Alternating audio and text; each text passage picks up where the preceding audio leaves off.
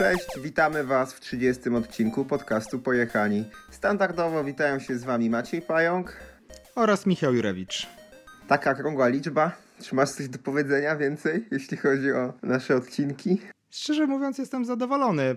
Przyznaję, że 30 odcinek to już jest jakaś ilość, która myślę, że przekracza taką pierwszą motywację, e, że a, nagramy podcast i 5 odcinków i potem nic więcej nie ma. No 30 raczej pokazuje, że mamy jakąś do tego motywację i ciągle nagrywamy. Mam nadzieję, że też ciągle nas ktoś słucha, więc no, ja jestem zadowolony z tego, z tego wyniku jak na razie. Ja w sumie też, bo trzeba przyznać, że nawet nie sama okrągłość liczby, ale rzeczywiście udaje się go nagrywać. To jest raz, a dwa, że w sezonie udawało się go nagrywać. No, zgadza się. Szczerze mówiąc, to teraz po sezonie wyczuwam trochę większe problemy, bo w sezonie to zawsze był ten taki dzień, jeden tygodniu, gdzie okej, okay, już dobra, już żadnych szkoleń i tak nie ma, więc można nagrać podcast, a ponieważ teraz wszystkie nasze zadania są takie nie terenowe, nie szkoleniowe, tylko przygotowawcze do, do następnego sezonu, ciągle jest ta sama robota siedząc w domu i coś tam robiąc, pracując na, na komputerze, na iPadzie i ten podcast jest dokładnie jakby tego samego rodzaju robotą, to szczerze mówiąc, jeśli chodzi o motywację do jego składania i nagrywania, to trochę mniejszą mam po sezonie teraz niż w trakcie sezonu, ale tak czy siak nadal jest ok. Że ja nie składam tego podcastu, to raczej akurat z tym problemu nie mam z motywacją, a do nagrywania Akurat mam cały czas tak samo wysoką albo tak samo niską, zależy od której strony na to spojrzeć. No dobra, przejdźmy do ciekawej przejażdżki. W zeszłą sobotę akurat y, tak się złożyło, że z jednym z naszych słuchaczy, który bardzo często nam zadaje też pytania, mm, mówię tutaj o Grzegorzu, wybrałem się do Strzelina. Y, to znaczy, on w piątek gdzieś tam napisał na Facebooku, że jedzie, i uznałem, że w piątek jakaś tam wieczorne spotkanie ze znajomymi pewnie i tak sam bym się nie zmotywował na jakąś większą jazdę, to, to, to mogę skoczyć do Strzelina, zobaczyć jak tam wygląda, szczególnie, że on mi wysłał informację, którędy chce jechać i ta jego pętla zakładała takie miejsca, które już kiedyś próbowałem odwiedzić, gdzieś w sierpniu, jak byłem z Justyną, ale one akurat miały wycinkę. Teraz na Trailfoxie była informacja, że to miejsce już jest przejezdne. Tej wycinki nie ma, są posprzątane gałęzie, które gdzieś tam były porozrzucane. No więc tym bardziej chciałem się przejechać, a przy okazji spotkać z Grześkiem, bo, bo, bo to jest nie tylko nasz słuchacz, ale też nasz kursant i już się zrobił też w zasadzie moim kolegą. Więc... Yy więc całkiem fajnie. Zaliczyliśmy kopę nowoleską, ale przede wszystkim yy, z Gromnika pojechaliśmy na zachód, nie, przepraszam, na wschód. I tam taką fajną, bardziej naturalną ścieżką niż stricte zbudowaną, taką graniówką pojechaliśmy sobie, taką pętelkę to się nazywała. Szczerze mówiąc nie pamiętam jak się nazywała ta trasa na Trailfoxie wrzucę, wrzucę naszego traka czy mojego i sobie na pewno wszyscy obejrzą. Przede wszystkim, mimo tego, że to nie są w ogóle wysokie góry i ciężko tam sobie myśleć o jakiejś super graniowej trasie, no to na tyle fajnie jest wyznaczony ten singiel, że się na pewno przy, naprawdę przyjemnie jedzie. A to są jakieś takie trasy mm, oficjalne, półoficjalne, po prostu ścieżki w lesie. Co tam w ogóle jest? No to jest tak, że tam zbudowali kilka takich no, oficjalnych tras typu single track, nawiezionych kruszywem, chodnikowych i tak dalej, które w moim odczuciu są mało atrakcyjne. I jest też trochę takich tras, które są takie ala ślęża, no, w Zagrab Single, które są dużo ciekawsze. Jest tam taka trasa jak single track Piotrka się nazywa, Piotra i to jest po prostu w takim wąwozie trasa po, po najpierw po jego ścianie, a potem wewnątrz się tam wije, więc to jest na pewno bardzo przyjemne taki kruciaczek, no w porównaniu do, do Ślęży to, to ani to trudne, ani to jakieś bardzo długie, ale ale przyjemne i ta druga trasa, o której ja wspominałem na tej jakby takiej małej grani, to też taki zadrap singiel, ale bardzo fajny, bardzo fajnie poprowadzony. Więc to jest taki tam, można sobie zrobić wycieczkę, taki miks po trasach zbudowanych, no taką metodą zrównoważonej trasy rowerowej mm, i zagrab single dodać do tego. To jest ten zagrab single, to jakby wyrzuciłeś się z tego worka zrównoważonych. To już widać brak zrównoważenia w nich? W sensie, że są jakieś problematyczne, e, że nie wiem, kijowe, kijowo się jedzie, chociaż też powiedziałeś, że nie, albo że się niszczą, albo że jakieś tam wpływają mocno na środowisko. Nie, trzeba przyznać, że nie, chociaż są, wiesz, po prostu myślę, że są na tyle mało uczęszczane, że jeszcze tego po prostu nie widać, bo no, nie mają żadnej sensownej podbudowy, odwodnień i tak dalej. No po prostu jest to wydrapane w ściółce i póki nie ma tony deszczu i ogromnego ruchu, to się pewnie to trzyma. Tylko i wyłącznie na tej zasadzie i, i pod tym kątem to oceniłem. Ale jak, jak, się trzyma, to się trzyma, tak? To, nie, to, to znaczy, że, że jest okej. Okay. To jak, jeśli nie ma ruchu, a na, na wozie się kruszywo, żeby się trzymało, jak, jak byłby ruch, to raczej jest, można powiedzieć, mało zrównoważone, bo jest to przestrzelone rozwiązanie e, do sytuacji. Trzeba przyznać, że na pewno i tak te trasy e, nienawiezione, mówimy tu o kruszywie, są dużo ciekawsze tam, bo są węższe przede wszystkim, cokolwiek się na nich dzieje, no tak, taki, taki standard, nie? Klasyka, klasyka gatunku e, w większości budowanym. Mm.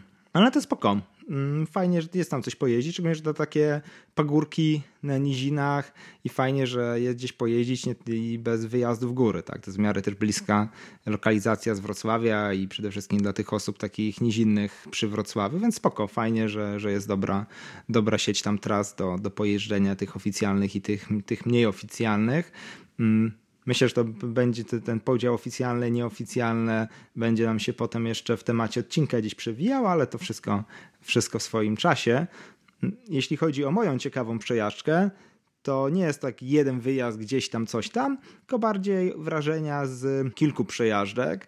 Kilku przejażdżek na kilku różnych rowerach, bo ze względu na to, że musiałem czekać na transport części do swojego roweru i tam po prostu był najpierw mało opóźnienie z wysyłką, ale potem gdzieś paczka zaginęła i ta paczka dość długo do mnie nie docierała, więc żeby sobie nadal pojeździć na rowerze, jeździłem na, na różnych innych zamiennikach, o jakich to zaraz. Podobną sytuację ty zresztą miałeś ze, swoją, ze swoim rowerem, ze swoją Rozaliną, która też odmówiła posłuszeństwa i też się na różnych, różnych pożyczakach e, wozisz. U mnie te pożyczy... najpierw rzeczywiście był to pożyczak. Pożyczyłem e, tutaj z Dungeona Treka, Dokładnie, dokładnego modelu nie, nie pamiętam, ale jakiś full, 29 cali, skoku pewnie tak standardowo, nie wiem, 140, 150, jakiś fuel albo coś w tym stylu. Na osprzęcie XT, to tak po prostu mówię, żeby słuchacze mogli wiedzieć na czym ja się, na czym ja się kulałem to było dla mnie dość ciekawe, bo na takim zwykłym rowerze nie jeździłem więcej niż kółka dwa po parkingu długo. Naprawdę, naprawdę bardzo, e, bardzo długo i szczególnie, że mogłem go sobie zabrać na jakieś ciekawsze trasy, nie tak jak się raz tam zamieniliśmy no, na Rosalinę i tam zrobiliśmy na, na zajęczniku po singlach jedną rundkę, tylko rzeczywiście sobie i na nowe trasy i na dobrze mi znane. I powiem, że było to ciekawe doświadczenie, bo jeździło mi się fatalnie jeździło się naprawdę, naprawdę fatalnie. To, jak taki zwykły rower jest strasznym takim przeszkadzaczem i wszystko w nim przeszkadza w jeździe, jak się już jest przyzwyczajonym do, mm, do lepszego roweru, to zabijało jakąkolwiek przyjemność, przyjemność z jazdy. To było ciekawe doświadczenie, tak? Ale nie mogę ani trochę powiedzieć, że, że było to przyjemna jazda na tym, na tym rowerze, chociaż doświadczenie ciekawe.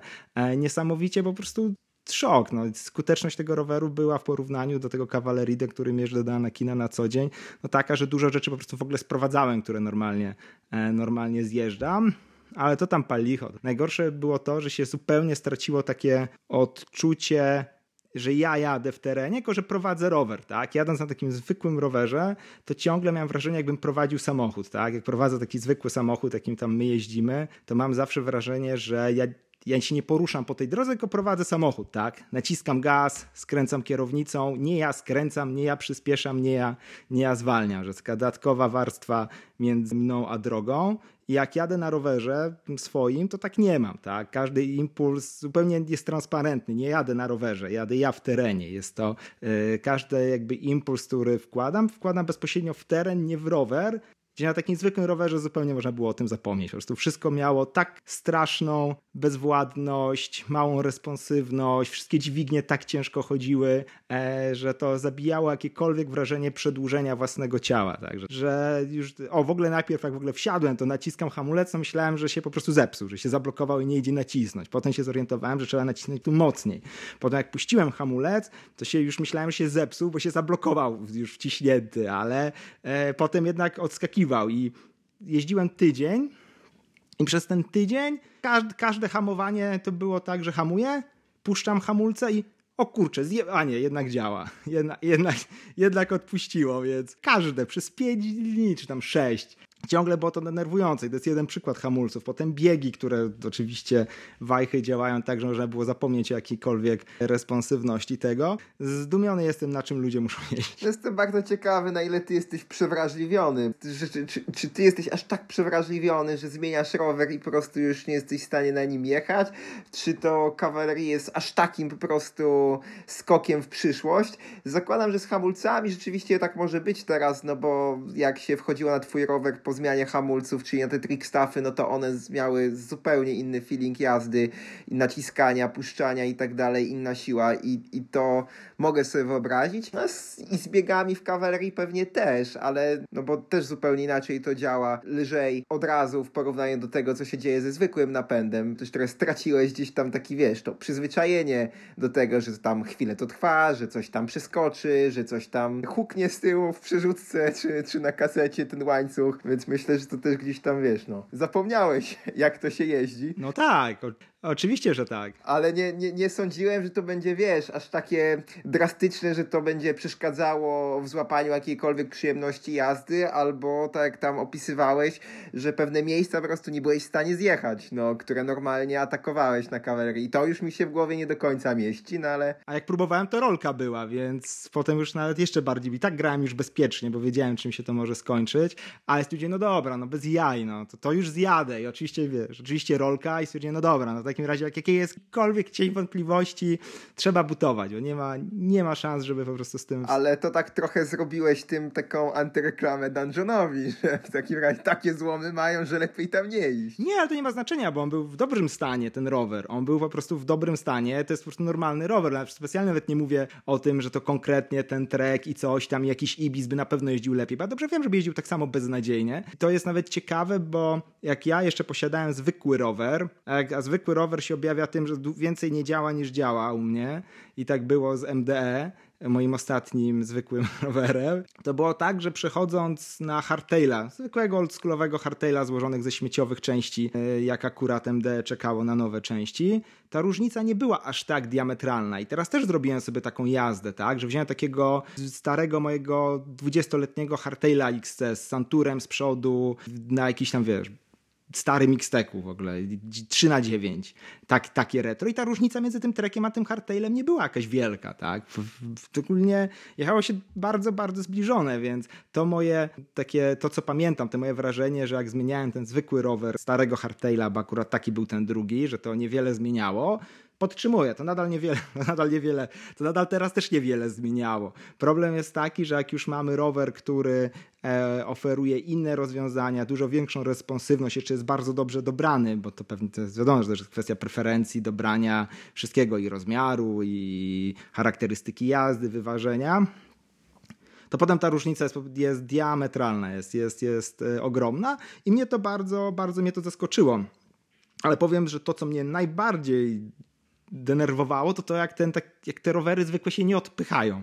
One po prostu nie jadą. To, to był ten poziom jak e, Rosaliny, którą miałeś przed tym odchudzaniem kół, zmianą opon i, i tak dalej. No tam wtedy jak się wymieniliśmy, to przede wszystkim miałem te takie opony kilo 200 z dętkami, więc ona po prostu się przede wszystkim nie odpychała dlatego, że były miękka mieszanka, mega oportoczenia, wielkie kowadła. Później po zmianie właśnie tam i kół i teraz tych naszych dętkach, Magic Tube'ach jest zupełnie inaczej. Ale tak, tak, tak czy siak zawsze jak wsiada na twój rower, to on się i tak lepiej odpycha niż mój. Co by nie mówić. No, więc ten, ten brak odpychania też był na maksa, na maksa wkurzający i tak jak mówię, ten rower był dobrze w miarę utrzymany. No owszem, to jest rower z wypożyczalni po sezonie, on był dobrze, dobrze utrzymany, to, to no, tak, tak, takie, już, takie już są. I to jest fajnie, bo po ostatnim nagraniu odcinka jeszcze jeździłem na parę dni na swoim rowerze, potem był ta przerwa związana, że właśnie czekałem na części. I teraz przed nagrywaniem tego odcinka znowu wróciłem na swój rower i pojechałem na czeski zielony ze Smreka. I była taka sytuacja, że jak jechałem wtedy na tym sobie zamienniku pożyczonym, no to ten zjazd zielony ze Smreka jest taki, który dobrze znam. To nie jest tak jak Agnieszka, już zupełnie na pamięć, to nie jest ta taka moja trasa, e, która jest zawsze porównuję wszystko do, do, do niej, bo to jest jedynka w, ty, w moim przypadku. No ale ten czeski zielony, no to już jadę tak 3, 2, 1, dohamowanie, 3, 2, odpuszczenie, 3, 2 i tak dalej, dohamowanie. Już jadę w rytmie wyuczonym i, i, i tyle.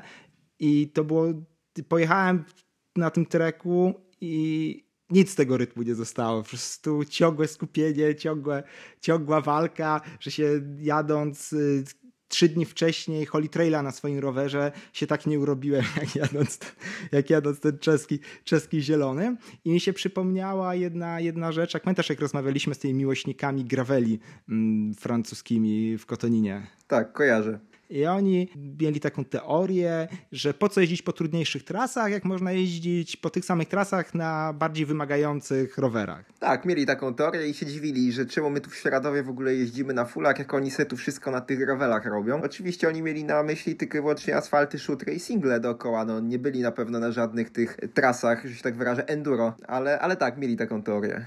No tak, bo ta teoria polegała na tym, że można sobie robić enduro jeżdżąc gravelem po, po singlach. Teraz dokładnie to odczułem, bo to dokładnie tak było, że miałem wrażenia właśnie jazdy z hardkorowego, jakbym jechał hardkorowy zjazd na jakimś łatwym, na łatwym zjeździe. Tylko stwierdziłem, po co? Po jakiego czorta, tak? To nie, jeśli rzeczywiście jeździmy tylko i wyłącznie dla takiego challenge'u, żeby nas wytelepało, to okej, okay, no ale to szczerze mówiąc, to nie jest mój, mój rodzaj, tak? Jadę, żeby gdzieś pojechać, żeby gdzieś przejechać, a nie żeby się, żeby mnie wytelepało, jak mogę po prostu przejechać w czymś trudniejszym, tam gdzie mnie jeszcze nie było, to, to wolę tak niż jechać ten sam zjazd, tylko już tu na gorszym, mniej dostosowanym do tego, do tego sprzęcie. Tutaj trochę też o gravelach powiem, bo to nie jest tak, że przez ten cały okres jeździłem tylko i wyłącznie na tym rowerze z Dungeona, jeździłem też na szosówce, jeździłem też na trekkingu i odkryłem jeżdżąc na tej mojej szosówce, odkryłem w końcu po jakiego groma te gravele są. No. Zresztą z niej nigdy nie kumałem tego, tego zjawiska i stwierdziłem, że taki gravel to okej, okay, to jest po prostu szosówka, ale jak ci brakuje czasami kilometra, żeby połączyć dwa asfalty, to jak pojedziesz z takim gravelem, to przynajmniej się świat nie skończy, tak? Rady w miarę tam się dostać na drugą stronę tego szutru, żeby dojechać do asfaltu. Czy to taka szosówka enduro, ale że jeździ się non-stop po szosie, ale że można sobie, jak brakuje, to przejechać tym szutrem, bo jadąc na moją szosówką, to były takie momenty, że tu jadę sobie pętelkę gdzieś przy Wolimierzu i mogłem przeskoczyć gdzieś tam w Mroczkowice, tak? Tylko była taka dziura e, szutrowa, kilometrowa, albo naokoło tam 10 kilometrów przez Mirsk, tak? Trzeba byłoby, trzeba byłoby zasuwać po jakichś pepidówach. To stwierdziłem, okay, rzeczywiście, może w takiej sytuacji ten gravel to ma swoje, ma swoje zastosowanie. Ale z tego co ja wiem i z tego co obserwuję gdzieś na Instagramie jakichś no, ludzi jeżdżących na rowerze i na, na gravelach, to oni raczej widzę, że robią bardziej szutrowe wycieczki, a ten asfalt ich po prostu czasem tam no, muszą dojechać czasem do tego szutru, do lasu i tak dalej. Oni tak czy siak raczej więcej poza asfaltem jeżdżą na tych gravelach. Okay, to te osoby, które gdzieś tam na strawie widzę, to raczej używają w tym, w tym kontekście, o którym ja powiedziałem, że właśnie 90% po asfalcie i gdzieś kilometr tam do jakiegoś punktu widokowego, czy coś, czy jakiś łącznik, łącznik shooterem i wtedy widzę w tym, widzę wtedy w tym, e, w tym jak najbardziej, jak najbardziej sens i może mieć to ciekawe narzędzie. Nie ma mowy, że, żebym to sobie, nie wiem, chciał sprawić czy coś. Jedno zastosowanie sobie e, stricte teoretyczne, bo w ogóle nie jeździłem na takim rowerze dłużej niż dwa metry, myśliłem, mm, że mogło być to ciekawe.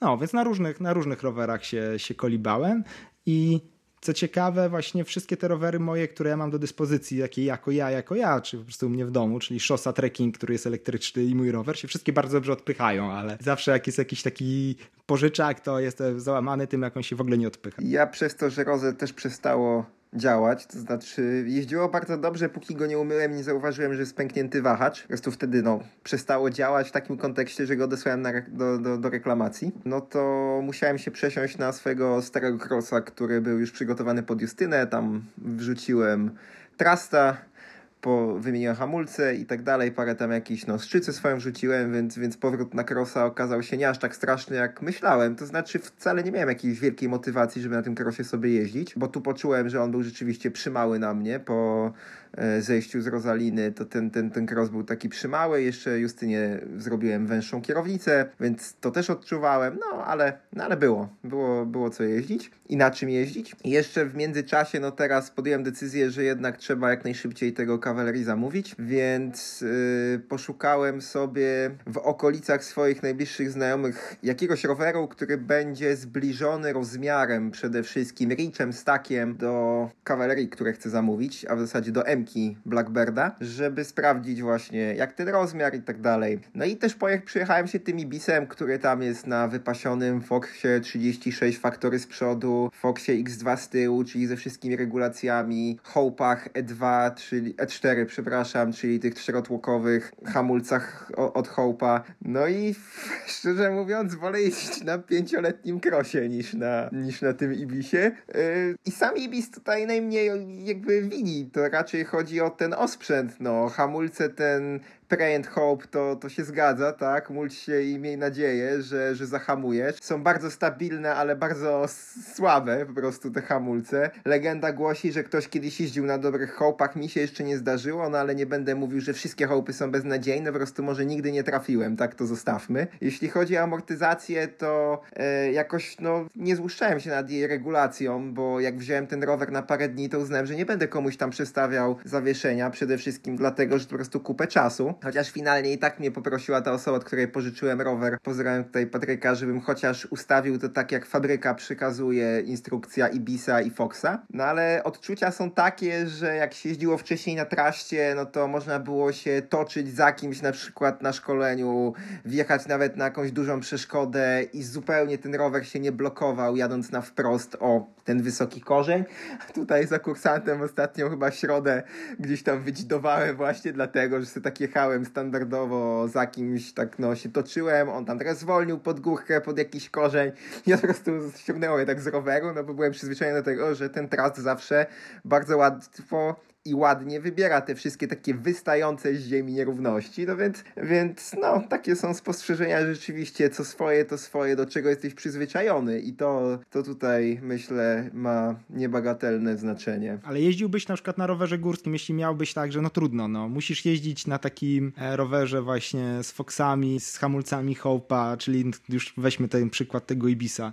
Jeździłbyś, czy byś rzucił ten sport w kąt? Nie, no to wiesz, to ja na pewno nie jestem tak radykalny jak ty. Ty byś rzucił sport w kąt, gdybyś nie miał go pod domem, tak? Już kiedyś powiedziałeś, że jakbyś mieszkał tak. we Wrocławiu, to byś nie jeździł na rowerze górskim, bo nie chciałbyś się dojeżdżać i byś jeździł na deskorolce albo hulajnodze, czy innych rzeczach. Więc ja bym pewnie sportu nie rzucił, tylko no to wiesz, to jest takie abstrakcyjne pytanie, bo jak wiem, że mogę zmienić te hamulce i to zawieszenie na inne i, i być, mo, może być przyjemne, przyjemnie, no to, to wiadomo, żebym nie rzucił. A jakbym nie znał tego smaku, nie wiem, lepszego amortyzatora i lepszych hamulców, to może bym uznał, że jest spoko, no. Bo ja jak już poskładałem znowu rower swój i się przyjechałem i już ta motywacja do jazdy na tych różnych zamiennikach już była taka słaba ostatnimi dniami to stwierdziłem, że nie, nie ma, nie ma szans. Składając, że kawalerii zwija się z rynku, nie ma jakiegoś żadnego sensownego zamiennika, pinion, nie wiem, się nie odpycha czy coś, a, a hamulce są tylko takie, jakie, że trickstaffa nie ma,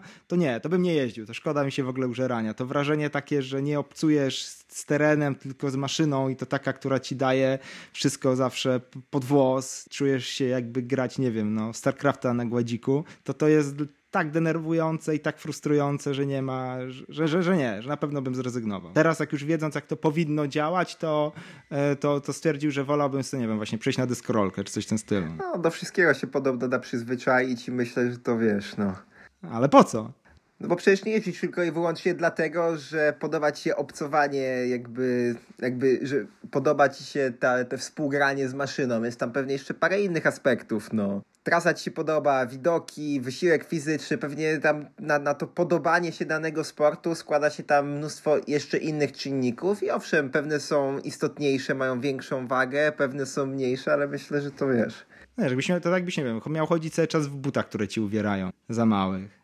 No i tak, i póki nie wiesz, że one cię uwierają, to ci całkiem dobrze, no. To jednak wiesz, że mogą nie uwierać, to jak masz iść w uwierających, to już nie idzie się, no i, i, i tyle. Że już. Więc tutaj zdecydowanie wolałbym sobie wybrać wtedy jakieś hobby, które by nie było, nie, nie miało takiego punktu właśnie zgrzytu jakiegoś przeszkadzającego właśnie e, w obcowaniu z tymi pozostałymi, pozostałymi wrażeniami. Bo jestem zdecydowanie zwolennikiem tego, że ten sprzęt, który wykorzystujemy powinien być transparentny, że sam w sobie e, takim no, celem i atrakcją. Jeśli, jeśli można o nim zapomnieć, to tak powinno być. Okej, okay, myślę, że na tym skończmy nasze ciekawe przejażdżki, wrażenia z jazdy e, na innych rowerach niż nam się podobają, bo chyba już pół godziny o tym tutaj właśnie rozmawiamy. Mamy jeszcze rekomendacje, mamy temat odcinka, mamy pytając słuchacza, więc jeszcze parę rzeczy przed nami.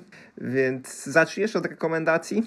To zacznę e, od e, mojej rekomendacji, mianowicie od podcastu, jednego odcinku podcastu Vitalem TB, Insight Line. O, to o tyle się nie przygotowałem, bo chyba sobie nie zapisałem, który to jest odcinek tego podcastu, ale to będzie w notatkach. W każdym jest, był to odcinek z jednym z osób pracujących w Sramie, obecnie pracujących przy zawieszeniu, przy RockShoxie, wcześniej pracujący w innych tam działach.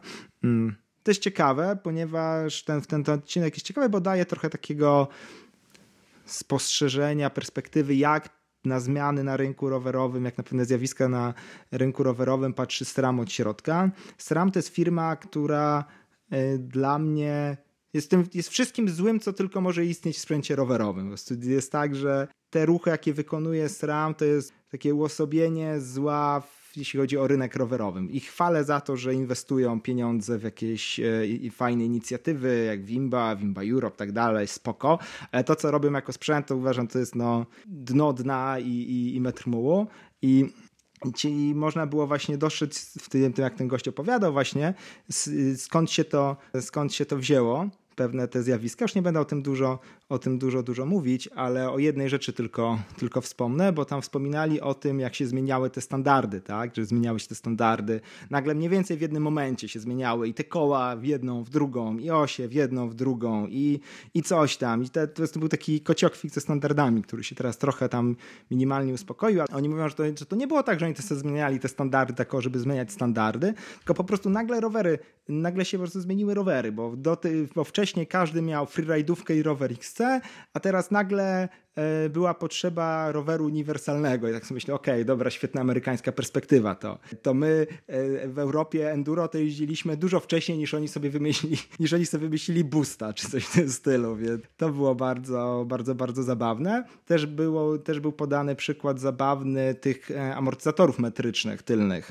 Mm, pewnie kojarzysz tą zmianę, gdzie był ten e, bardzo świetny marketing i on tam opowiadał, że był bardzo zdziwiony, że ludzie tego nie podchwycili, bo był świetny marketing, że jak zmierzą w milimetrach, to będzie lepiej działać. Tak, kojarzę, że odkąd mierzymy w milimetrach, wszystko jest takie dobre i takie precyzyjne. No właśnie, ale wyjaśni, wyjaśnili tą kwestię niemarketingową, dlaczego w ogóle po, powałka to zrobili i uważam, to jest kolejna rzecz, że to jest no, ślepy zaułek i kolejny niewypał. Bo, bo wcześniej było tak, że przychodził producent roweru i mówił, że chce taki rozmiar, takiej ramy, bo taki mają wizję i w dużym skrócie RockShox im ten dumper przygotowywał. Go tam customowe jakieś rozmiary, mniej lub bardziej, mniej lub bardziej customowe zaworowanie i tak dalej, i tak dalej. Że one były takie przygotowane pod sprzęt. I go, ogólnie ich to wkurzało, tak? Że musieli tych amortyzatorów robić tam, wiesz, 500 rodzajów w roku, tak? Czy, czy z 1000, ile tam jest tych producentów. Więc stwierdzili, że zrobią je metryczne, czyli w skrócie będzie katalog tam dużo mniejszej ilości, tak najtrudniej. Producent będzie musiał się dostosować.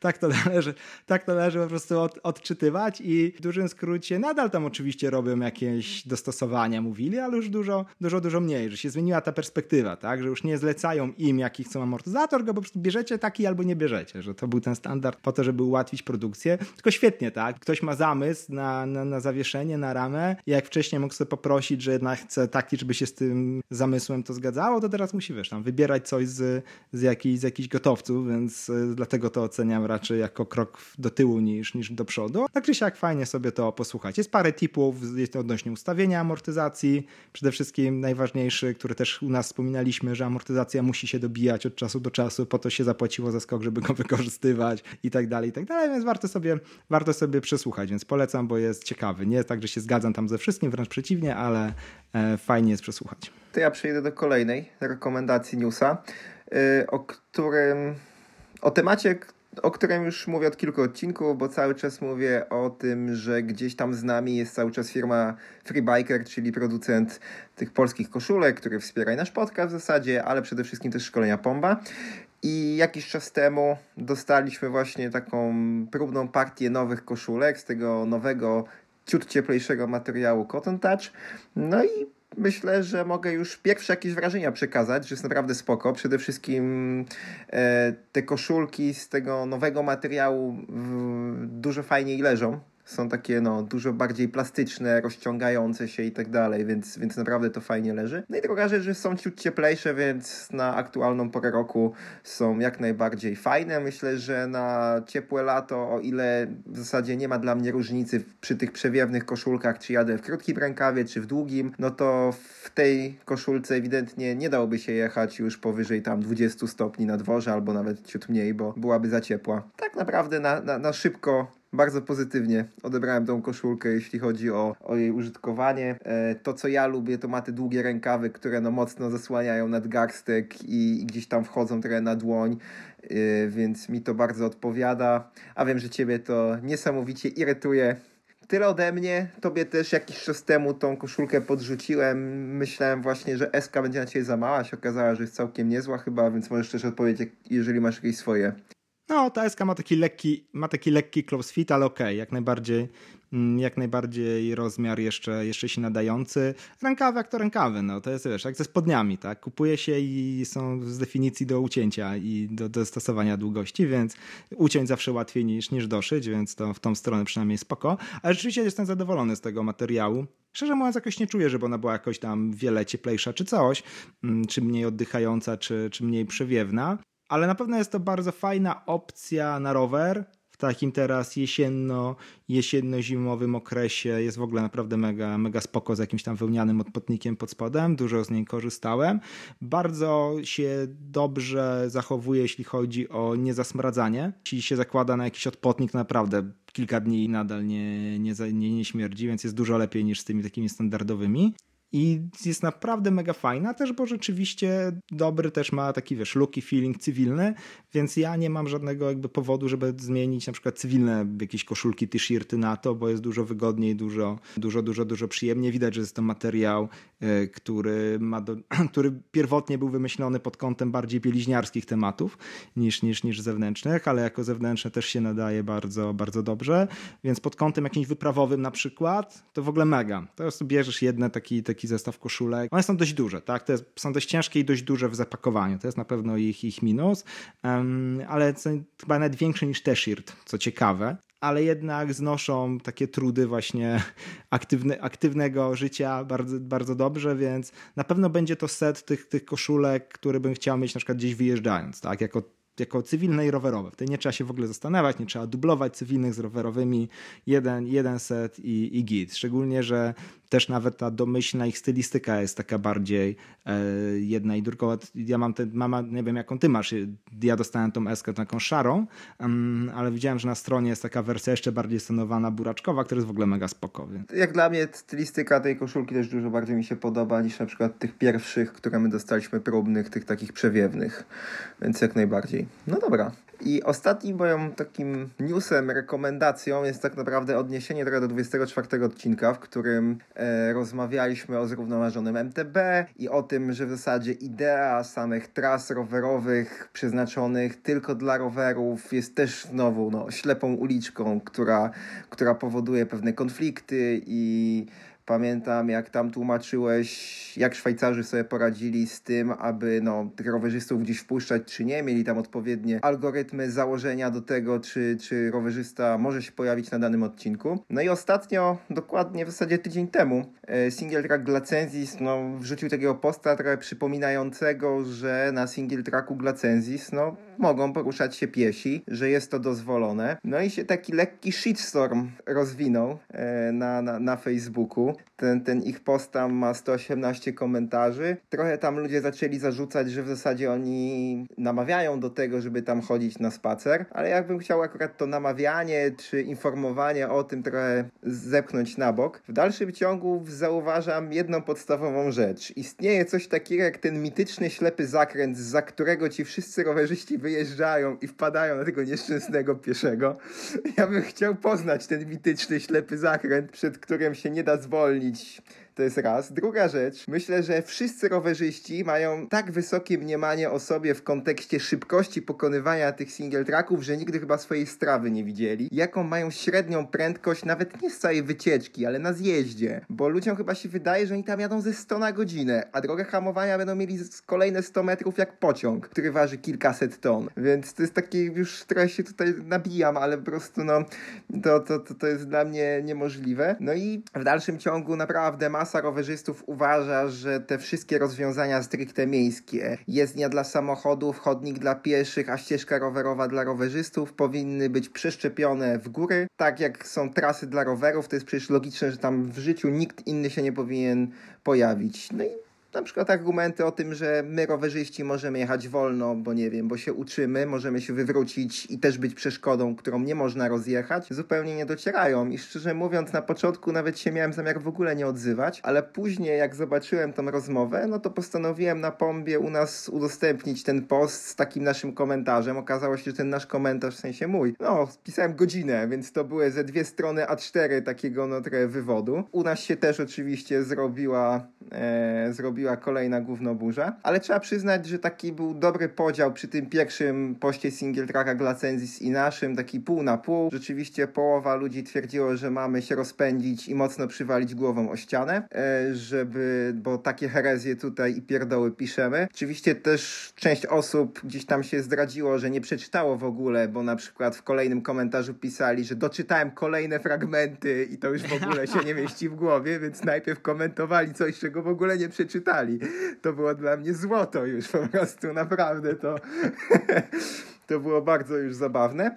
Ale też jakby część osób jest naprawdę świadomych tego, że to nie da się uniknąć ludzi i nie można zamykać tras rowerowych zupełnie przed pieszymi, bo za chwilę my będziemy wyganiani z każdej innej ścieżki, która nie jest stricte rowerowa. No tych konsekwencji jest tam dużo. Nie będę już w 24 odcinku o tym opowiadaliśmy. No i też odsyłam do tego naszego posta na Facebooku, do którego udostępnię link, no bo na pewno on gdzieś tam za chwilę tak daleko spadnie, że już ciężko go będzie odnaleźć. Ale na sam koniec tak naprawdę najciekawsze jest to, że jak single track dla Cenzis po jakimś jakimś tam jednym czy dwóch dniach wrzucił taką, no, informację, że fajnie czasem poczytać, co myślicie o różnych aspektach projektu Single Track dla Cenzis i taką, no, informację, że, no, że biorą pod uwagę te, te, te zdania y, rowerzystów, to pod tym postem już nie było chyba ani jednego komentarza niemalże, w którym y, było jakikolwiek rozsądny głos, tylko już wszystko, że no, w ogóle nie będziemy do was przyjeżdżać, bo to jest niebezpieczne, nie będę ryzykować swoim życiem i innych, żeby jeździć jeździć po takich trasach, gdzie będą jacykolwiek piesi. Ale czekaj, czekaj. Ty, czy ludzie twierdzą, że ci piesi się tak na nich rozpędzą i na nich wpadną, czy co, że to? To ludzie uważają, w sensie rowerzyści, że jak już jadą trasą rowerową, to tam nie może być pieszego, bo on stwarza zagrożenie. Że tam jeszcze jeden pieszy, okej, okay, ale broń Boże, nie może tam być żadnych pieszych z dziećmi, no bo wtedy to już w ogóle na pewno będzie wypadek i, i będzie tragedia, no. Świadomość jest bardzo mała, tak podsumowując, ludzie uważają w dalszym ciągu, że szeroki shooter jest bezpieczniejszy niż single track, że szerokim shooterem jadą wolniej niż single trackiem i no, więc, więc, więc tak to wygląda, więc trochę jest to z jednej strony no, dołujące, z drugiej część tych osób, naprawdę rowerzystów widzi te pewne absurdy no, tego założenia, w którym trasa tylko dla rowerów i dla nikogo więcej. Ale powiem ci, że ten projekt Glacenzis, który jest taki, no, co dużo mówić, lekko, lekko megalomański, to jeśli utrzymali przy tak dużym projekcie, przy takiej ilości gmin, to, że te trasy są ogólnodostępne i żadna głupia gmina nie wiesza zakazów pieszych i takich pierdół, to jestem pod wrażeniem. I tutaj wielkie, wielkie brawa i uznania z mojej strony. Z tego co wiem, to tak jest, że, że, że utrzymali to, że jest to, że jest jeden tak naprawdę regulamin do wszystkiego, czy, czy regulamin, no jedne jakieś tam zasady, no bo te regulaminy też się tam pojawiają komentarze, a wi wiadomo, że regulamin można sobie sadzić między bajki i książki, niech się tam kurzy, bo w przypadku jakichkolwiek sytuacji nie ma większego znaczenia, musi to, będzie, będzie tylko i wyłącznie no, polskie prawo brane pod uwagę. To fajnie, fajnie, że oficjalnie jest tak, że są to trasy ogólnodostępne i fajnie, że o tym otwarcie mówią, więc tutaj mm, z mojej strony naprawdę wielki szacun, więc spoko. To jest na plus. No tak, i jednym z tematów oczywiście, przynajmniej mojego tłumaczenia było to, że nie da się poinformować pieszego, że to jest trasa rowerowa w każdym momencie, no bo można wejść w każdym miejscu w lesie na tą trasę, więc co chwilę by musiał, nie wiem, stać znak, oznaczenie, że, że, że to jest trasa tylko... Dla... Byłeś na niemieckich trasach albo w Austrii, byś wiedział jak to się robi. Rozwija się pastuch elektryczny wzdłuż trasy i żadna krowa nie wejdzie.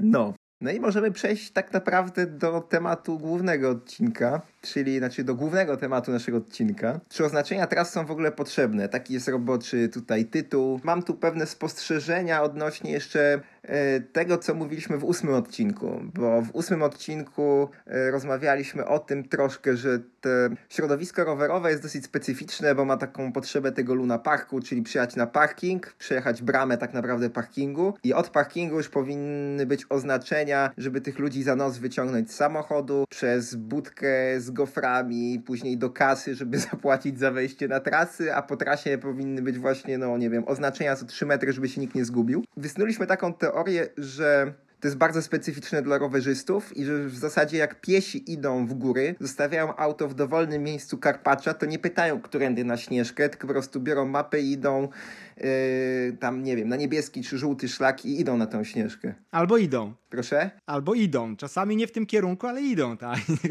Nie ma oczekiwania, no. Właśnie z tym się nie do końca zgodzę. W tym roku naprawdę miałem bardzo dużo różnych pytań, czy to pod Ślężą, czy w Świeradowie. Dokładnie to samo jak, gdzie, przepraszam, gdzie jest zajęcznik, jak, jak te, te standardowe pytanie o, o single track w Świeradowie. Też nie używają map, próbują często właśnie Google Mapsem cały czas operować, czyli wydaje mi się, że te problemy są dokładnie te same, że to nie jest tak do końca, że to tylko rowerzyści mają ten problem, w którym oczekują Luna Parku, ale chyba coraz więcej tych osób takich, które nigdy w górę nie chodziły, nie są nauczone wyjścia z jakąkolwiek mapą albo sprawdzenia, gdzie stanąć. No dobra, ale to są dwie różne rzeczy, Pająk, bo to, to że oni sobie idą z Google Mapsem, to jest jedna rzecz. Pytanie, jakie mają oczekiwania, bo to, co e, wtedy mówiliśmy w tym odcinku ósmym, to była kwestia oczekiwań, tak? Że, że potem mają ludzie wątpli- mają wąty do wszystkiego, poza tym, że się nie przygotowali. No to mam wrażenie, że to jest dokładnie to samo, bo stojąc sobie na parkingu pod, e, pod Ślężą, też tam ludzie, no ale jak to? Tu nie ma żadnych strzałek, nie ma informacji. Wiozłem w tym roku jakiegoś gościa, który zszedł po prostu, w, wystartował w Sobótce, skończył w Sulistrowiczkach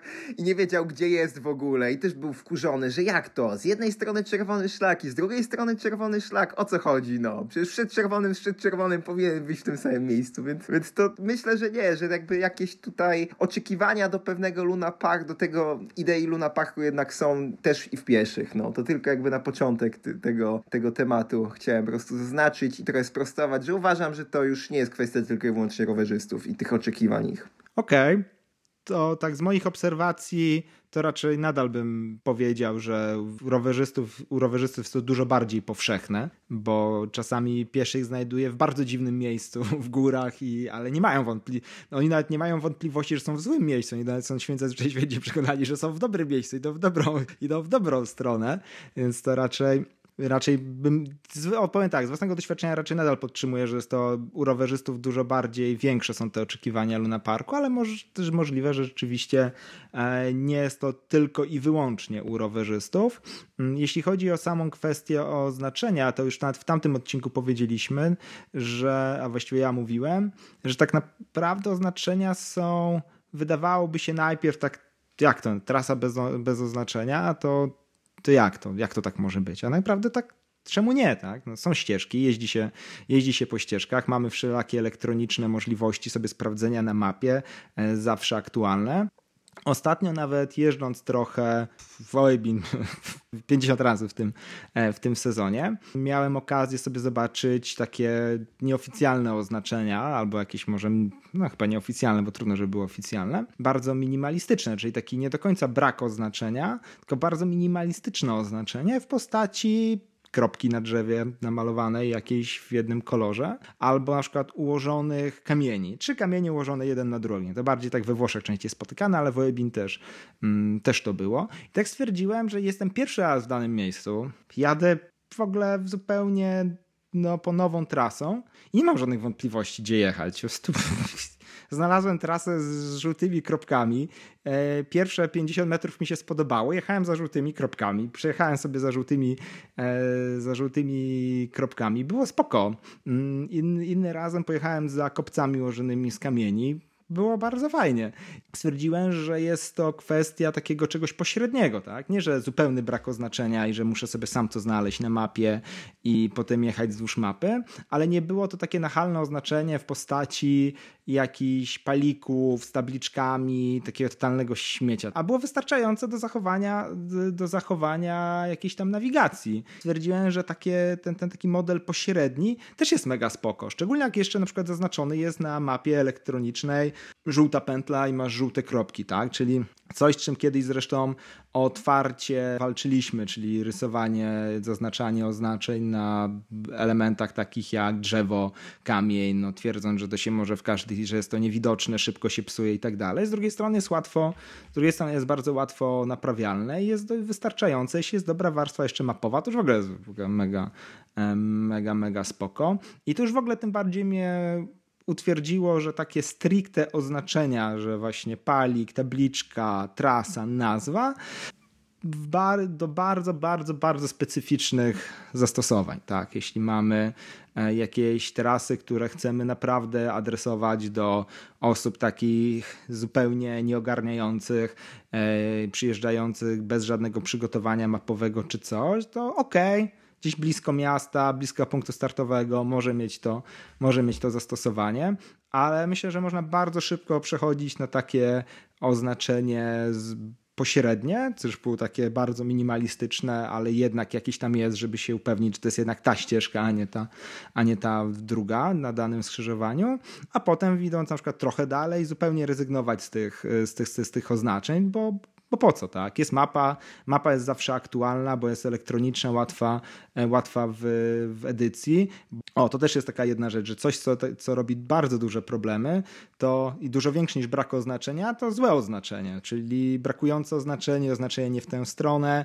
E, nie wiem, czy pamiętasz w Liwiniu, jak krowa znak przestawiła i się zastanawialiśmy, gdzie jechać, i do, bo nam się wydawał kierunek zupełnie od czapy, niezgodny z mapą. Wiesz, tak stoimy, patrzymy, kurczę, no w lewo, a nie w prawo, a znak w prawo. Aż w końcu obsługa yy, podeszła i pokazała, że krowa po prostu trąciła i przekręciła i gościu wziął i przekręcił w dobrą stronę i teraz o, zgadza się, tak? I takich sytuacji jest y, całe mnóstwo, choćby tutaj, wiesz, środowy na zajęczniku, tak? Gdzie tabliczka spadnie, obróci się i tak dalej, nagle pokazuje nie w tą stronę i jest, jest problem. Dużo większy problem, jakby jej tam w ogóle nie było. A, a kolejny problem to nieaktualne mapy. To dobrze wiesz, że to jest plaga, tak? Że, że, że tutaj nagle jest, że ludzie są, chcą jechać na trasę, której nie ma na mapie, widzą w terenie albo odwrotnie i jest jeszcze większy problem. Jakby była po prostu jedna mapa elektroniczna, jedną mapę elektroniczną zaptejtowali i wszyscy mają dobrą mapę, a nie każdy ma inną i każda zła.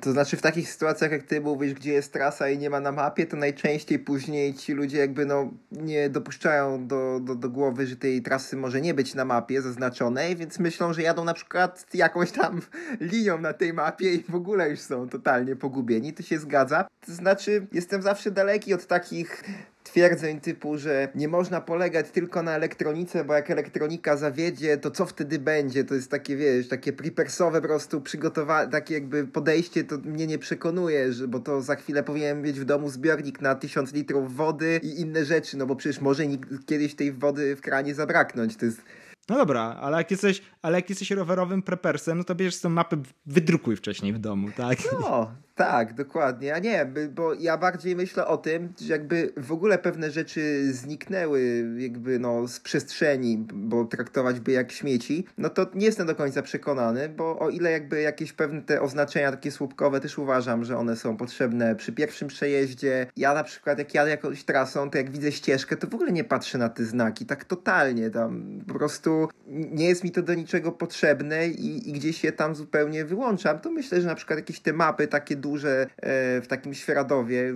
całego terenu, które pokazują, gdzie są jakie trasy, jak najbardziej mogą być, bo można sobie być, nawet jak jesteś nieprzygotowany, to sobie zrobić zdjęcie takiej, takiej mapy, a i tak jest dużo łatwiej aktualizować, nie wiem, tam pięć map, w sensie pięć wielkich tablic raz na rok na przykład, w, niż y, 150 palików na trasie, tak, w okolicach. No tak, ale to i tak tego ani jednego, ani drugiego tego nikt, nikt nie robi, więc to jest, to jest problem, że tych map jest y, przy trasach rowerowych w Świeradowie teraz, ile dobrze pamiętam, 13. Żadna nie jest zaktualizowana każda zawiera błędy, każda jest nieaktualna. Są co najmniej trzy wersje takie kartkowe A4 wyrywane, z czego każda ma jakieś błędy, więc y, to, że w teorii można, to wcale nie, nie oznacza, że ktoś to robi. Najlepsze jest to, że OpenStreetMap, z którego ta wersja elektroniczna, taka ogólnodostępna, której oczywiście miasto w ogóle nie robi, tak? Czy miasto, czyli tutaj organ zarządzający trasami jest aktualna, bo po prostu ktoś to zaktualizował, tak? Więc można korzystając e, z bardzo łatwych, otwartych rozwiązań mieć aktualną mapę, więc e, tutaj ten, też uważam, że taka mapa stacjonarna ma swoje zastosowanie, jest spoko, ale też ograniczając, tak? Tym jest ich mniej, tym jest łatwiej nimi zarządzać i może rzeczywiście by była jedna albo dwie, to może jakimś cudem byłyby aktualne. Albo na przykład w ogóle podejść do tematu, że mapa jest z definicji nieaktualna, jak, czyli jest sobie jakaś mapa w terenie, która ma jakiś no, link w postaci choćby jakiegoś QR-kodu albo po prostu zwykłego linka do mapy aktualnej, wprost napisane, że mapa zrobiona, nie wiem, publikacja tam wtedy i wtedy i, i tyle. Aktualna wersja tutaj, tak, żeby Mm, trochę nawet zwrócić uwagę na ten problem, że ta mapa jest nieaktualna, bo często nawet nie wiadomo, bo tam te mapy są wydawane zazwyczaj te terenowe w beznadziejny sposób. Jak jest legenda, to jest dobrze, a już znaleźć, nie wiem, odwzorowanie, taką skalę albo choćby datę wydania, to czasami graniczy z cudem, więc tu też są, wiesz, kolejne, kolejne braki, które już w ogóle utrudniają, bo jeszcze jakbyś zobaczył na mapie, że została wydana 8 lat temu, to, to rzeczywiście wiadomo, okej, okay, no dobra, to, to może być w ogóle nie, można być, może być w ogóle nieaktualna, tylko się, wiesz, nazwy szczytów zgadzają i że miejscowość jest tutaj zawsze coś, tak, ale przynajmniej wiesz, czymś coś masz do czynienia. Często e, jednak jak ktoś sobie podchodzi tak na żywioł i nie, nie zna terenu, no myśli sobie, no jest mapa, to wiesz, z grubsza raczej aktualna, tak. Każdy zakłada, że, że raczej jest okej. Okay. Dlatego, dlatego ja otwarcie uważam, że nadmiar oznaczeń jest, jest problemem. I tak jak na drogach takich publicznych, jak jeździ się samochodem, nadmiar znaków jest e, problemem, to na tych trasach takich rekreacyjnych, pieszych, rowerowych czy innych też jest to dążenie do zdecydowanie za dużej ilości. Szczególnie, że jest to no, śmieć taki, no tak jak wspomniałeś, no, używany tylko raz, no, góra dwa razy. No, przy pierwszym, nawet jak ktoś zupełnie nie zna, przejedzie sobie tę trasę za pierwszym razem po oznaczeniach, potem i tak już nie jedzie po oznaczeniach, więc bardzo mało przejazdów i bardzo mało osób osób z tego, nazwijmy to osoba przyjazdu, z tego korzysta. No jest już jest jeden problem, że chociażby takie miejsce nasza slalomownia, czyli po prostu skrzyżowanie singla z takim szerszym szutrem, gdzie wyjeżdżamy z trasy na zajęczniku i dokładnie naprzeciwko naszego wyjazdu, przyjeżdżając przez szuter, mamy kolejną, kolejną nitkę trasy, w sensie kontynuację jej. I tam ludzie często wyjeżdżają, totalnie nie wiedzą, w którą stronę jechać. Obracają się na przykład, jak my tam stoimy za nami i czasami nawet nie pytając, jadą tam, gdzie my ćwiczymy sobie zakręty. To ja już tam parę razy zauważyłem, że to po prostu warto powiedzieć, nie? że tam trasa jest tam. Trzeba po prostu tu zawrócić i w lewo. że, że, że tamtędy prowadzi trasę. I tak ludzie jakby totalnie nie ogarniają też nawet jak jest to oznaczenie, bo tam jest dokładnie na skrzyżowaniu, żeby jechać dalej prosto. Więc to jest kolejny jakiś tam element, że często zupełnie jest niezauważane nawet takie, no.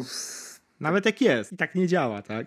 I tak nie działa, bo ludzie często gdzieś tam opowiadają mi przynajmniej, że gdzieś się tam zgubili, bo nie było oznaczeń, no ale tam nawet jakby nie było ani jednego oznaczenia, to ta ścieżka jest tak wyraźna i ma taki tak odmienny charakter, ta wąska trasa, którą jedziemy od wszystkich przecinających szutrów. Ciężko się tam zgubić, a jak to przycinają nawet rantraki w Świeradowie, to one pod takim dziwnym kątem zawsze przycinają te single, że nawet jest to zupełnie nieintuicyjne tam zjechać, no. Albo małe z takich miejsc, gdzie da się jakoś po prostu zupełnie zjechać z trasy. Ale ja się zastanawiam, no bo jeżeli zadawalibyśmy sobie pytanie, czy e, oznaczenia teraz są w ogóle potrzebne, no to myślę, że przy zupełnym braku oznaczeń, czyli gdzie mówimy o jakichś tam mapach dużych, o tych słupkach, czy informacjach na drzewach w postaci kolorów, zaznaczonych szlaków i tak dalej, no to, że ludzie by nie byli w stanie nawigować przy zupełnym braku oznaczeń. To jest raz i myślę, że jakby przeniesienie wszystkiego, ale tak totalnie wszystkiego tylko do sfery elektronicznej, elektronicznej, no to jednak sporą część społeczeństwa wyklucza, no bo ile dla nas mi się wydaje naturalne jest korzystanie z tych zasobów elektronicznych urządzeń mobilnych, no to myślę, że starsze pokolenie może mieć dużo większe problemy. Na pewno są tacy, którzy też korzystają, ale, ale no myślę, że są na tyle przyzwyczajeni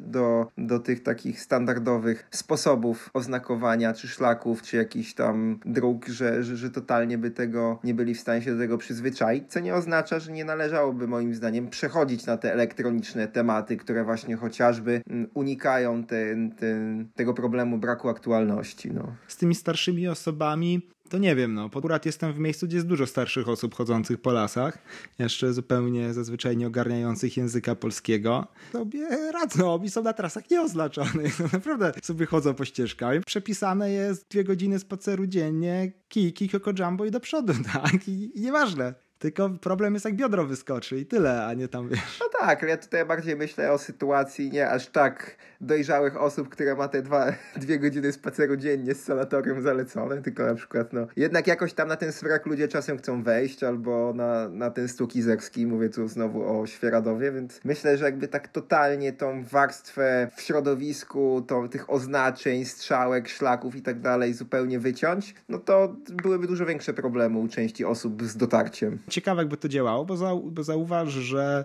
największy ruch na taki pieszy, w, na przykład choćby na przykładzie Świeradowa, jest często tam, gdzie nie ma żadnych szlaków. Dużo osób chodzi nartostradą, no bo widzą stół kizerski na końcu nartostrady, więc sobie idą. Idą sobie asfaltem, bo jest asfalt. Na tym asfalcie to jest, wiesz, trasa rowerowa numer 24 czy coś w tym stylu. Na pewno w ogóle nie wiedzą, dokąd idzie ta trasa rowerowa. Na skrzyżowaniach na stogu są strzałki, no. Stół kizerski tam półtorej godziny. Więc, więc na tych głównych skrzyżowaniach asfaltowych, które prowadzą na stuk, coś tam się zawsze znajdzie. Ciekawy byłby przykład, jakby, jakby tego nie było, czy by, tak, czy by było to aż takim, aż takim problemem. Patrząc na to, że jak teraz jest nowa, supermodna wycieczka Dwie Wieże, Kopa Czerniawska i, i Smrek. Jest tam oczywiście czarny szlak, który sobie dochodzi do tej pierwszej wieży, a potem drugi zielony i na pewno część osób korzysta z tego w ten sposób, ale patrząc na to, jak są skróty na Kopę Czerniawską wydeptane, to widać, że dużo osób, pomimo że zaczyna tym czarnym szlakiem, to jak już widzisz, że szczyt ma po prawej stronie i że on tak jest na wyciągnięcie ręki, to widać, że ewidentnie muszą drałować, no bo to jest po prostu zbyt, zbyt przechodzone tam. Ciekawe jakby to wyglądało, jakby w ogóle nie, w ogóle nie było tych, tych, tych oznaczeń. Po prostu ciekawy jestem i myślę, żeby te, to nie byłoby aż tak y, nie byłoby to aż takim problemem dla ludzi, żeby, żeby dotrzeć. Może zmusiło do trochę takiego właśnie większego ogaru i zaplanowania sobie, albo może jak nie zaplanowania, no to jolo, no trudno, no gdzie dojdę, tam dojdę. Ciekawe jest to, chociaż, ale też nie twierdzę, że są zupełnie zbędne te, te oznaczenia, że nie powinno być żadnych oznaczeń, że jakieś takie minimalistyczne, tak jak właśnie wcześniej wspomniałem, choćby ułożone kamienie, czy kropka namalowana na czymś, na kamieniu, czy, czy drzewie jest naprawdę, naprawdę spoko, a nie zaśmieca krajobrazu, łatwe łatwe w utrzymaniu, mm, więc myślę, że tak, odpowiadając na to pytanie, przydają się, bo to czy potrzebne, no, przydają się, ale starać się tym mniej, tym lepiej. Jeśli da radę osiągnąć jakiś efekt mniejszą ilością albo mniej inwazyjnymi um, oznaczeniami, to będzie dużo, dużo, dużo to to, to, to korzystniejsze. A dużo bardziej widzę tutaj w porządnym takim ułożeniu tych tras większy, większy potencjał niż w ich samym oznaczeniu. Tak? Na przykład problemem yy, nawigacyjnym, choćby tutaj Świeradowie na Zajęczniku i na wielu innych trasach jest to, że jak nawet te trasy są tak nielogicznie podzielone na trasy, pętle, dojazdy, że to robi dużo większe problemy niż to, czy jest to oznaczenie, że po prostu samo ułożenie tej, tej warstwy informacyjnej, czy gdzie jest jaka trasa, jest tak pogmatwane i, i, i nielogiczne, że wymaga to potem bardzo, bardzo dużej ilości oznaczenia, które i tak nie działa. No tak, z jednym jeszcze z takich pośrednich e, rozwiązań mogłoby być oznaczanie po prostu takich jakichś większych skrzyżowań i przypisywanie im jakichś, nie wiem, no, odpowiednich kodów, numerów czy innych rzeczy, które po prostu by były jakby trochę zmuszały do nawigowania się nie po kolorze trasy, tylko no, dochodzę do skrzyżowania X, muszę sobie wtedy sprawdzić, gdzie jechać dalej, no, albo co robić z moją tam trasą, niezależnie czy jest to e, trasa rowerowa czy piesza, po prostu wtedy jedno oznaczenie skrzyżowania byłoby dla wszystkich użytkowników, którzy by spotkali się na takim jednym skrzyżowaniu. Albo przykład może jednak z dróg takich samochodowych. No, masz oznaczenie na skrzyżowaniu, masz wiesz, Stuk Izerski, Polana Izerska, w tą, w tamtą i, i tyle, tak? I jak wiesz, że musisz dojść do Orla, który jest za Polaną Mizerską, to sobie ogarniasz. Nie ma napisane Orle, ale jednak Polana Izerska to jest bardziej w moim, to jest jednak moim, bardziej w moim kierunku niż Stuk Izerski. No to tak, to tak analogicznie. Chcę jechać do Opola z Wrocławia, to szukam y, A4 na Katowice, tak? Bo wiem, że Opole jest gdzieś tam po drodze i pewnie w końcu będzie znak zjazd na Opole numer taki, no. no wiadomo, że taka jazda teraz archaiczna, bez nawigacji w samochodzie to trochę może nie, nie najlepszy przykład, ale jest to też jakaś opcja, tak? Żeby może, że nie musisz pokazywać prosto, tak? Żeby dojechać do tego Opola nie potrzebujesz cały czas znaczeń na każdym skrzyżowaniu Opole prosto. Owszem, tak jest. Ciekawe, jakie jest tutaj zdanie naszych słuchaczy odnośnie, odnośnie tego, no bo wiemy, że raczej jesteśmy dość mocno odosobnieni w kwestii braku oznaczeń. Ja zresztą wiem, że na arenie międzynarodowej też jesteśmy tutaj high five ze Szwajcarami, ale e, cała reszta dość patrzy tak, wiesz, trochę dziwnie, jak, jak na wariatów, jak, jak się gdzieś w środowisku rowerowym takie opinie wygłasza na zasadzie, że może w ogóle nie jest potrzebne, tak? Ale jest coraz więcej takich przykładów, nawet bardziej zorganizowanych sieci, jakiś taki rowerowy rejon gdzieś w Trentino, któraś miejscówka właśnie zmieniła całe oznaczenie na, na wirtualne, bo po prostu tak szybko budowali, że nie byli w stanie nadążyć za, e, za aktualizacją tego, tak? Że co sezon mieli zrobienie od nowa i to po prostu pożerało tyle zasobów, że stwierdzili, że wolą zrobić więcej tras niż marnować się na oznaczenie, tak? Bo to należy też pamiętać z perspektywy użytkownika, że jeśli są jakieś zasoby, to jeśli te zasoby będziemy marnować na utrzymanie tego oznaczenia, to to będzie mniej tras, tak? I teraz sobie należałoby odpowiedzieć, czy wolimy, czy wolimy oznaczenie, z którego być może raz skorzystamy, czy wolimy na przykład mieć większą różnorodność tras. No tak, ale myślę, że też jesteśmy może nie aż tak odosobnieni, ale odnośnie tego, co mówiłem dzisiaj w rekomendacjach i tego znowu jakby tematu tras tylko dla rowerów i nie, i tego informowania potencjalnych pieszych, tych intruzów strasznych, yy, że są na trasie rowerowej, rowerzyści bez większego zastanowienia są w stanie powiedzieć, że jakby był co 50 metrów znak, że to jest trasa tylko dla rowerów, to byłoby dobrze, byłoby dobrze, no więc nawet jak się zastanawiają nad tym, czy to ma większy sens, czy nie, to znaczy, że ich to zupełnie nie razi na przykład, że te znaki są i że to trochę wygląda, kurczę, jak w mieście, że mamy co skrzyżowanie albo co kawałek słupek z informacją o kilometrażu drogi, no to odnośnie bardziej jakichś tam dróg krajowych, czy, czy autostrad, ale, ale to do tego by się sprowadzało, tak? Bo na autostradzie co 100 metrów mamy słupek z oznaczeniem kilometra i, i na której setce tego kilometra, mm, części setnej tego kilometra jesteśmy, no to jest dosyć łatwe później na przykład do podania, że na tym i na tym odcinku się wydarzył wypadek w tą i tą stronę na tym kilometrze, no ale przenoszenie znowu tych stricte rozwiązań miejskich czy z tych dróg do poruszania się samochodami turystyczny aspekt terenowej jazdy czy, czy chodzenia, no wydaje mi się zupełnie od czapy. Nie po to idę do lasu, żeby oglądać znaki, no. No i te rozwiązania drogowe też powstały dawno temu, tak? Gdzie kiedy był taki moment, gdzie mogłeś mieć telefon, a nie mieć nawigacji, tak? Był też na pewno taki moment, w którym w ogóle telefon był, wiesz, no tam co miasto jakiś, w ogóle telefonu przy sobie nie miałeś, a trzeba było gdzieś tam dojechać i powiedzieć, gdzie ten wypadek był, no. To była jakaś łatwa, łatwa metoda, a teraz robienie czegoś takiego, bo, bo są takie zamysły, tak? Jakieś takie słupki z oznaczeniem co 100 metrów na trasach. To dobrze wiemy, że GoPro potrafi jakieś dziwne zalecenia zalecenia dowalić od czapy.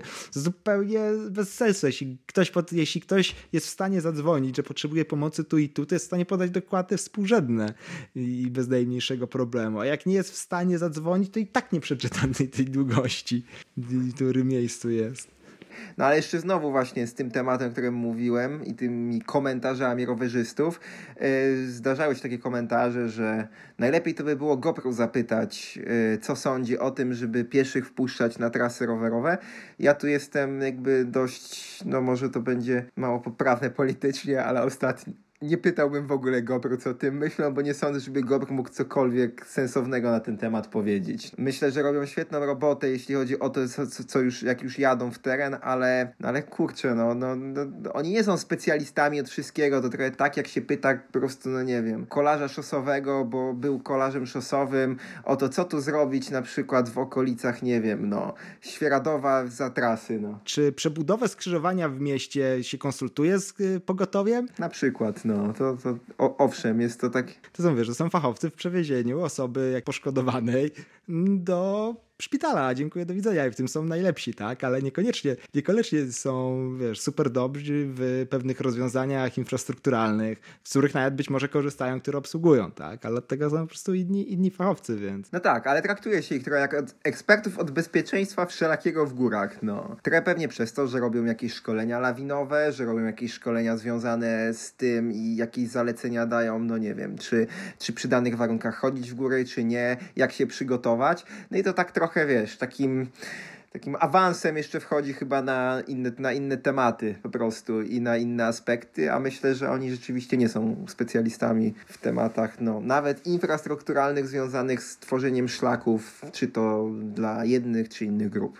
No, to się, to się zgadza. Trochę pobłądziliśmy po tym temacie. Myślę, że dość taki e, bardzo swobodny, żeby nie powiedzieć nieuporządkowany sposób, ale to, co chyba istotne, to przekazaliśmy, no bo co chcieliśmy tak powiem tutaj przekazać dla naszych słuchaczy? No mi zależało na tym, żeby w ogóle wzbudzić takie chwile zastanowienia się, e, po co są te oznaczenia, czy aby na pewno ich, czy aby na pewno ich potrzebujemy i że przede wszystkim się zastanowić, e, zanim, nie wiem, będziemy twierdzić, że gdzieś były kijowe, że gdzieś były kijowe oznaczenia, albo że powinny być tutaj oznaczenia, a ich, a ich nie było. No tak, żeby pamiętać, że to jest jednak śmieć, że jest to coś, co zanieczyszcza szpeci krajobraz, a też jest, też jest kosztem, tak? Jeśli od kogoś będziemy wymagać, żeby, żeby, nie wiem, zrobił więcej oznaczeń, no to zrobi mniej tras, no dziękuję, do widzenia, tak? Albo mniej utrzyma tras, czy cokolwiek. No i jeszcze potrafią być te oznaczenia w terenie, no potrafią być zawodne, no. Nawet jak krowa ich nie przekręci, to najzwyczajniej w świecie jest duża szansa, że coś się przewróci, czegoś nie będzie i nagle na skrzyżowaniu, gdzie oczekujemy czegoś, po prostu tego nie będzie i wtedy bez jakiegokolwiek wcześniejszego przygotowania, licząc tylko i wyłącznie oznaczenia,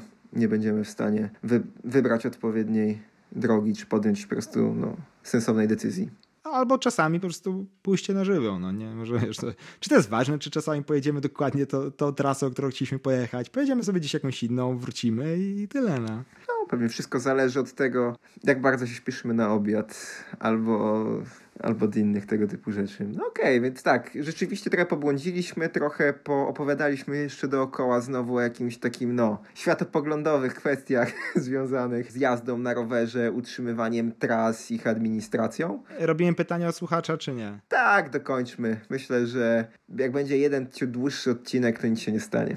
Więc pytanie od słuchacza dokładnie tego samego, z którym byłem w zeszłą sobotę w okolicach Strzelina. To była odpowiedź na tą twoją zapowiedź rekomendacji butów wodoodpornych do platform. E, napisał, że ciekawe te buty wodoodporne, brzydale, ale ciekawe. A, a czy mamy jakieś preferencje co do zimowych? No więc ja od razu odpowiem, że no ja zimowe, a w zasadzie jesienne buty na gorę po prostu użytkuję od paru dobrych sezonów i są na Gore-Texie, więc są kiedyś jeszcze, bo ja już je mam dobrze z 7 lat albo i lepiej, bo ich rzadko używam, więc się długo trzymają. Więc kiedyś były dobrze wodoodporne. Ale one są zimowe? Nie, one są jesienne, mówię, że są jesienne. Są na Gore-Texie, więc są wodoodporne, ale traktuję je jako zimowe, przez to, że są wodoodporne to raz, a druga, druga rzecz, że nie mam stricte zimowych, cieplejszych, ocieplanych, więc do nich wrzucam jeszcze na górę takie no cienkie ochraniacze na, na buty, które trochę więcej ciepła tam zapewniają. I tylko i wyłącznie no tak sobie radzę z zimową jazdą jazdą na rowerze. No poniżej chyba 5 stopni, chodzi mi o poniżej 5 stopni, poniżej zera. Rzeczywiście już nawet z tymi ochraniaczami nie jest za fajnie, no bo jednak gdzieś tam od spodu brakuje tej izolacji, mimo tego, że to jest na jakiejś membranie, ma odizolowany też dół, przynajmniej wodoodpornie, no to gdzieś tam ty, ten chłód przechodzi gdzieś tam pewnie przez blok i tak dalej, więc, więc ja sobie tak radzę. A ty nie wiem, szczerze mówiąc, czy, czy masz jakieś, albo czy miałeś jakiekolwiek cieplejsze buty na zimę? Nie miałem, ale to od razu powiem, że głupi byłem, bo e, przez to, że, że nie miałem, bo teraz te moje jesienne to są tak naprawdę zimowe, bo one są ocieplone, puchate i tak dalej, które używam jak jest, jak jest mokro, bo się nie są aż tak zimowe, żeby się nie dało, są całkiem fajnym kompromisem. Teraz miałem okazję wczoraj i dzisiaj pojeździć w minusowych temperaturach. Pierwszy raz w nich, więc akurat jestem nawet w stanie coś odpowiedzieć. Dzisiaj to tak, było chyba z minus 5 na, na stogu izerskim, coś w, tych, coś w tych okolicach. To to, jaki jest komfort i żadne ochraniacze na zwykłych butach, milion skarpet i tak dalej, to nie dało tego, mm, tego, tego efektu. Zakłada się jedną grubszą skarpetę, zwykły but, bez żadnych tam do, do, dodatków i naprawdę, naprawdę spoko, spoko działa. Bo to zawsze było tak, że a, tam tą zimą to się aż tak długo nie jeździ, e, ma się jakieś tam stare buty, szkoda pieniądze tam, wiesz, dawać na, na, na te buty, szczególnie, że kiedyś były dość drogie, e, nie był aż taki duży wybór, więc dwie pary skarpet plus foliówka pomiędzy, plus buty jakieś trochę bardziej zabudowane, ale jednak letnie się jeździło i nie było, i nie było oczywiście tragedii, no dało się jeździć, dało się jeździć. Um, ale komfort no, teraz w takich butach zimowych. Ja mam jakieś bardzo tanie onile, tak? To są takie za, tam za 100 euro, mm, zadziwiająco dobre jak na, jak na buty za 100 euro, no ale wykonanie mają na, adekwatne do, do, do ceny. Ze zmian faktu, że spełniają bardzo fajnie swoją tutaj, no, swoje, do swoim zastosowaniu, swoją funkcję spełniają bardzo dobrze i jak najbardziej polecam po prostu kupić buty zimowe i się tym nie, nie przejmować, więc e, przez te wszystkie lata wcześniejsze jazdy zimą, a tak naprawdę dość sporo jeżdżę zimą, byłem po prostu strasznie strasznie głupi, że nie, nie zalałem problemu pieniądzem, bo to więcej, więcej problemu było niż, niż, niż to warte. To znaczy ja się na pewno zgodzę z, ze stwierdzeniem, że te ochraniacze to jest taki półśrodek i jest, jest to beznadzieja finalnie, no bo wystarczy zejść z roweru i już ty, i przejść się kawałek po śniegu, to zawsze te czuby ochraniaczy gdzieś się podwijają. Mm, ale przez to, że miałem te właśnie takie, no, w pół drogi jesienne, wodoodporne, to jakoś nigdy nie zainwestowałem w takie buty stricte, stricte zimowe. Najczęściej skupiałem się na jakichś super zimowych rękawicach, których mam tam ze dwie albo trzy pary na, na, na, na każdy stopień mniej kolejne po prostu, więc, więc na butach się nigdy nie skupiłem. No u mnie dzisiaj to było to wyznacznikiem, że te buty jednak naprawdę są mega spoko, bo miałem tylko skarpetę i but bo najpierw mi się zrobiło zimno na rękach, a potem na nogach, co mi się to zupełnie nie, nie zdarza. W sensie, że w ogóle na nogach mi się w ogóle nie zrobiło chłodno przez całą wycieczkę, ale po prostu to, co mnie w pewnym momencie, jak byłem tam na trawersie, mm, zaskoczyło, że właśnie okej, okay, jest trochę zimno w łapy, normalna rzecz, no w końcu jest trochę zimno na dworze, ale chwilę potem było, ale okej, okay, ale w stopy jest nadal ciepło, w ogóle nie ma najmniejszego, najmniejszego problemu. Wtedy stwierdziłem, okej, okay, no dobra, to rzeczywiście te co zimowe buty, to zimowe buty, te moje onile są o tyle spoko właśnie, że bez problemu sobie dają radę w takich jesiennych zastosowaniach, że ze jakąś tam cienką skarpetą jest naprawdę, da radę wytrzymać, nie wiem, w plus 10 stopniach i nie ma jakiejś tam tragedii. No, przy jakiejś intensywnej jeździe to już nie, ale w takich szkoleniowych klimatach to, mm, to, to, to jest jak najbardziej, jak najbardziej ok, więc najlepiej jest, jak się jeździ cokolwiek zimą, najlepiej jest kupić buty zimowe, ale oczywiście mi jest to łatwo powiedzieć, bo dużo jeżdżę zimą i zimę mam względnie zimową, tak. E, myślę, że mieszkając we Wrocławiu czy w jakiejś innej niż innej Polsce, no to konieczność inwestycji w buty zimowe jest dużo mniejsza. Myślę, że ja pewnie prędzej czy później też zainwestuję w zimowe buty. Zobaczę sobie, co tam teraz jest, bo zbliża się wielkimi krokami już, a w zasadzie już się zbliżył. No, wczoraj jeszcze w Wrocławiu było 13 stopni, ale już dzisiaj jest. No, dobra amplituda jest między tym Wrocławiem a Świeradowem. Tak, bez wczoraj jeszcze 13 stopni, a dzisiaj już naprawdę chłodniej, bo tam koło 5 w ciągu dnia było, a rano jakiś tam mały przymrozek. To niezłe, niezłe amplitudy. Mm, no tak, no ja na razie używam tych onili i czy mogę je polecić? No są ciekawe, no nie są jakieś super hiper, ale cena jakoś jest, jest okej. Okay. Okej, okay, to może już nie przedłużając, możemy się powoli żegnać.